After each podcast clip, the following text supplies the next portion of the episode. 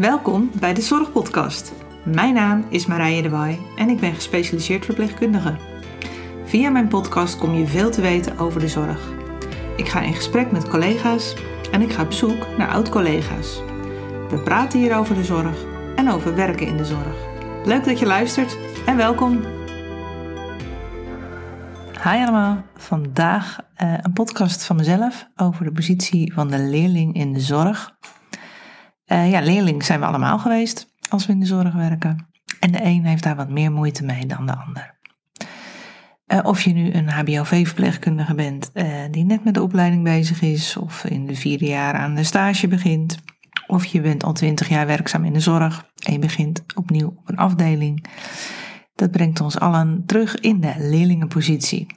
Ook al ben je een gediplomeerd verpleegkundige, als je naar een nieuwe afdeling of een andere organisatie of misschien een andere tak van sport, hè, de GGZ, als je vanuit de somatische zorg komt, ja, je weet nog niet alles en je moet nog het een en ander leren. Ja, regelmatig hoor ik verhalen van zorgprofessionals die weer ergens eh, fresh starten en die dan uh, ja, tegen problemen aanlopen in die leerlingenpositie. Uh, je moet je kwetsbaar opstellen als leerling. Uh, van ja, ik kom hier wat leren, vertel mij alles, ik weet nog niet alles. En dat is niet altijd even makkelijk. Want dat betekent uh, dat je namelijk niet meteen voluit mee kan doen. En daar houden wij niet zo van in de zorg. Wij willen eigenlijk meteen die waarde toevoegen aan die afdeling. Ik ben er, ik kom hier helpen en eigenlijk wil je meteen van start en meedoen met de rest. En ehm, ja, zo je, je, je waarde komen brengen eigenlijk. En dat kan niet, want je bent nog niet zo ver dat je dat voluit mee kan doen met alle anderen. En dat kan ervoor zorgen dat jij daar uh, last van krijgt. Ja, last van krijgt eigenlijk in de zin van um, dat je getriggerd wordt in bepaalde gevoelens. En we zijn allemaal jong geweest en um, als kind moet je groeien door fouten te maken. Anders uh, kom jij nooit in een bepaalde groeicurve terecht waarin jij je kan ontwikkelen tot de mens wie je nu bent.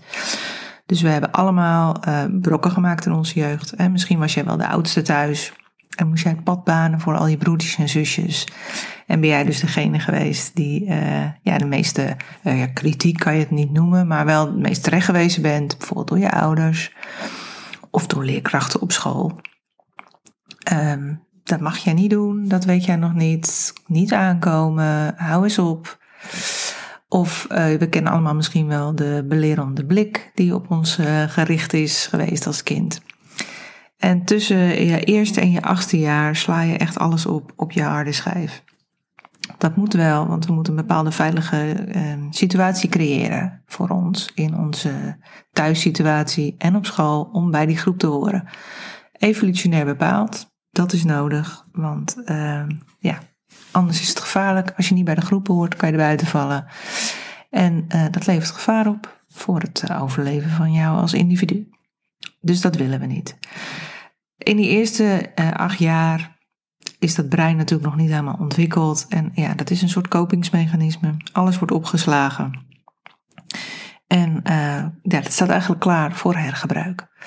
Wat gebeurt er nou op het moment als jij inderdaad in die leerlingpositie zit en jij komt een collega tegen, of misschien is er een sfeer op een afdeling die die gevoelens triggeren? Van onzekerheid, uh, ja, toch ook een bepaalde vorm van angst. Hoor ik hier wel bij? Uh, kan ik dit wel? En we hebben dan heel erg de neiging om dat op de persoon zelf, zeg maar, te richten. Die ons die kritiek geeft of die ons dat gevoel geeft op die afdeling. Um, ik heb dat zelf ook gehad. Als, uh, toen ik de uh, opleiding deed tot intensive care verpleegkundige, was er een oudere verpleegkundige die me altijd het gevoel gaf: Nou, je bent net niet goed genoeg als zij bijvoorbeeld uh, na een dienst de patiënt van mij overnam, waar ik bij stond, ging ze meteen eventjes de tube anders leggen of het tube lintje even verplaatsen. Of het infuuslijntje anders neerleggen. En dan keek ze mij altijd met een ja, bepaald, voor mijn gevoel, minzame blik aan. En uh, gaf mij echt een heel vervelend gevoel. Nou, kan ik dit wel? Ja, dat wordt dan meteen getriggerd. En als jonge leerling verpleegkundige wist ik dit allemaal nog niet. Ik had dat helemaal nog niet, uh, niks over gehoord over hoe dat dan werkt met uh, alle uh, ideeën vanuit je jeugd. Dat wist ik niet.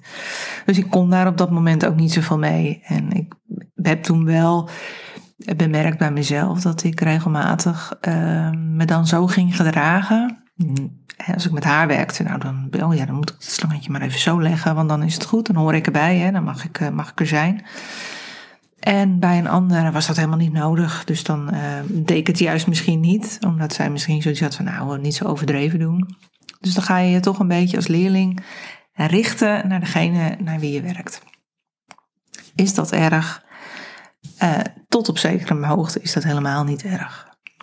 Want wat je eigenlijk voor ogen moet houden, ook in deze, is dat je een droom hebt. Je hebt een doel, want je hebt bedacht voor jezelf ik wil hier gaan werken, deze specialisatie doen, deze opleiding doen.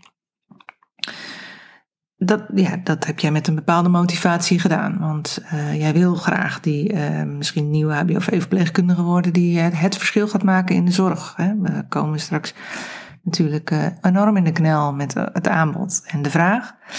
En misschien heb jij wel de missie van ik ga daar echt verschil in brengen top, daarom ga je deze opleiding doen. Of uh, je gaat uh, de geestelijke gezondheidszorg in, want uh, het gaat allemaal niet goed op deze manier, hoe het nu werkt. Ik ga daar verschil maken. Dat is jouw doel, daar moet jouw focus ook liggen. En ehm, als je nu gaat werken dan als leerling, ja, je kan niet meteen dat helemaal gaan leven, die missie en die doel, want je moet nog dingen leren. Dus daar zit vaak soms een knelpunt. En um, het vervelende is, als je je steeds gaat richten naar die andere collega, hoe je daarmee wil werken, dat gaat je energie kosten.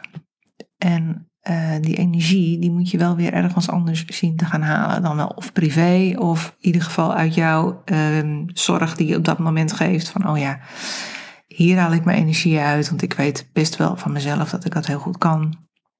Dus dit ga ik doen. Hier haal ik mijn energie uit.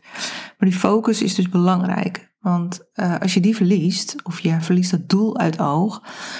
Je bent alleen maar bezig met, oh jee, ik pas hier niet, uh, dit lukt niet, uh, dit gaat niet goed. Of zij ziet mij niet volwaardig aan voor wie ik ben. En ik kan dat niet keren. Dat is heel vervelend. Daar ga je energie van verliezen en, en ook je focus. En die focus die moet je dus eigenlijk even vasthouden. En als je je daarbij realiseert dat um, zij jouw gevoel dus triggeren. En dat komt dus niet zozeer bij hen vandaan, maar dat ligt eigenlijk meer bij jezelf. Dus als je dat bewustzijn gaat creëren van wat is hier aan de hand. Zij is geen goede werkbegeleider of hij is geen goede werkbegeleider, want die zijn er natuurlijk ook genoeg. Zoek het eens eh, bij jezelf van hé, hey, wat gebeurt hier op dit moment?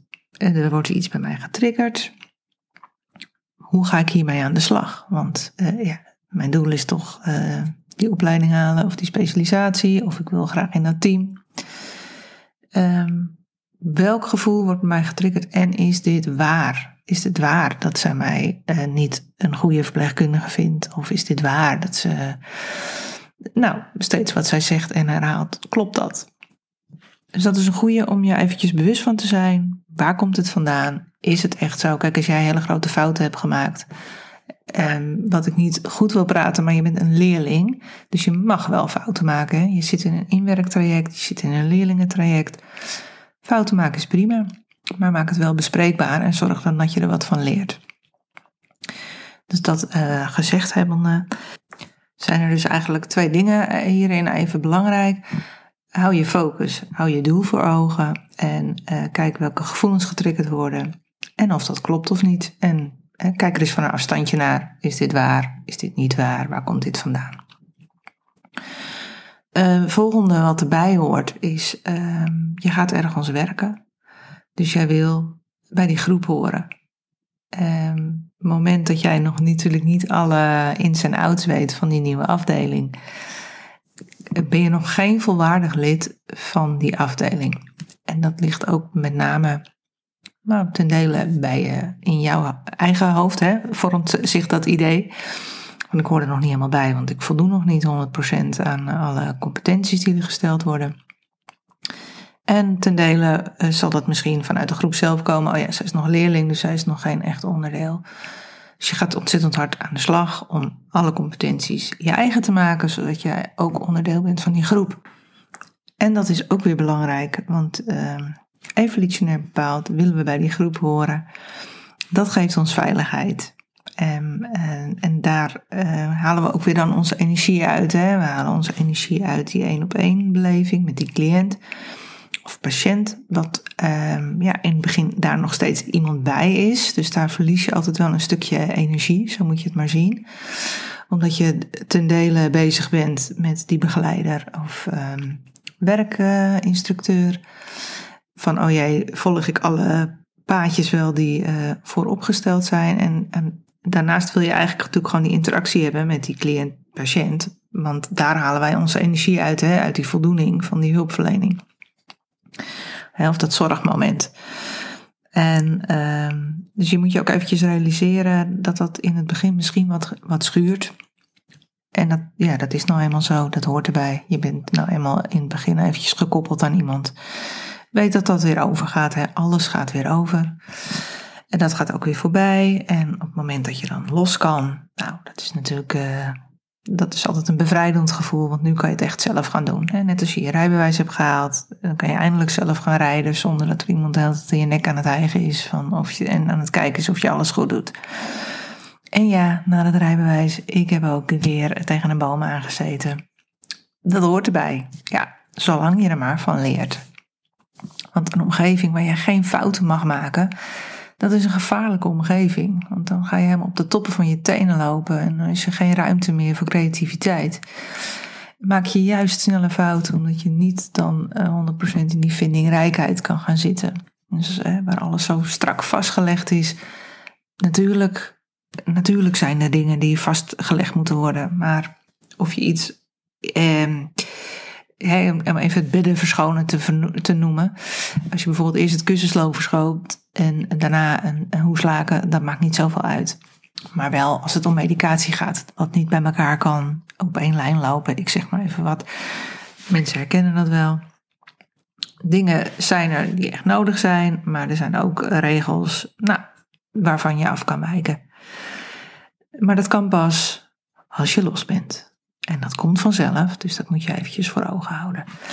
Denk je nu van, hé, verdorie, ja, ik heb daar toch echt last van. Of je zit in een situatie waar je niet zoveel mee kan. Zoek een buddy.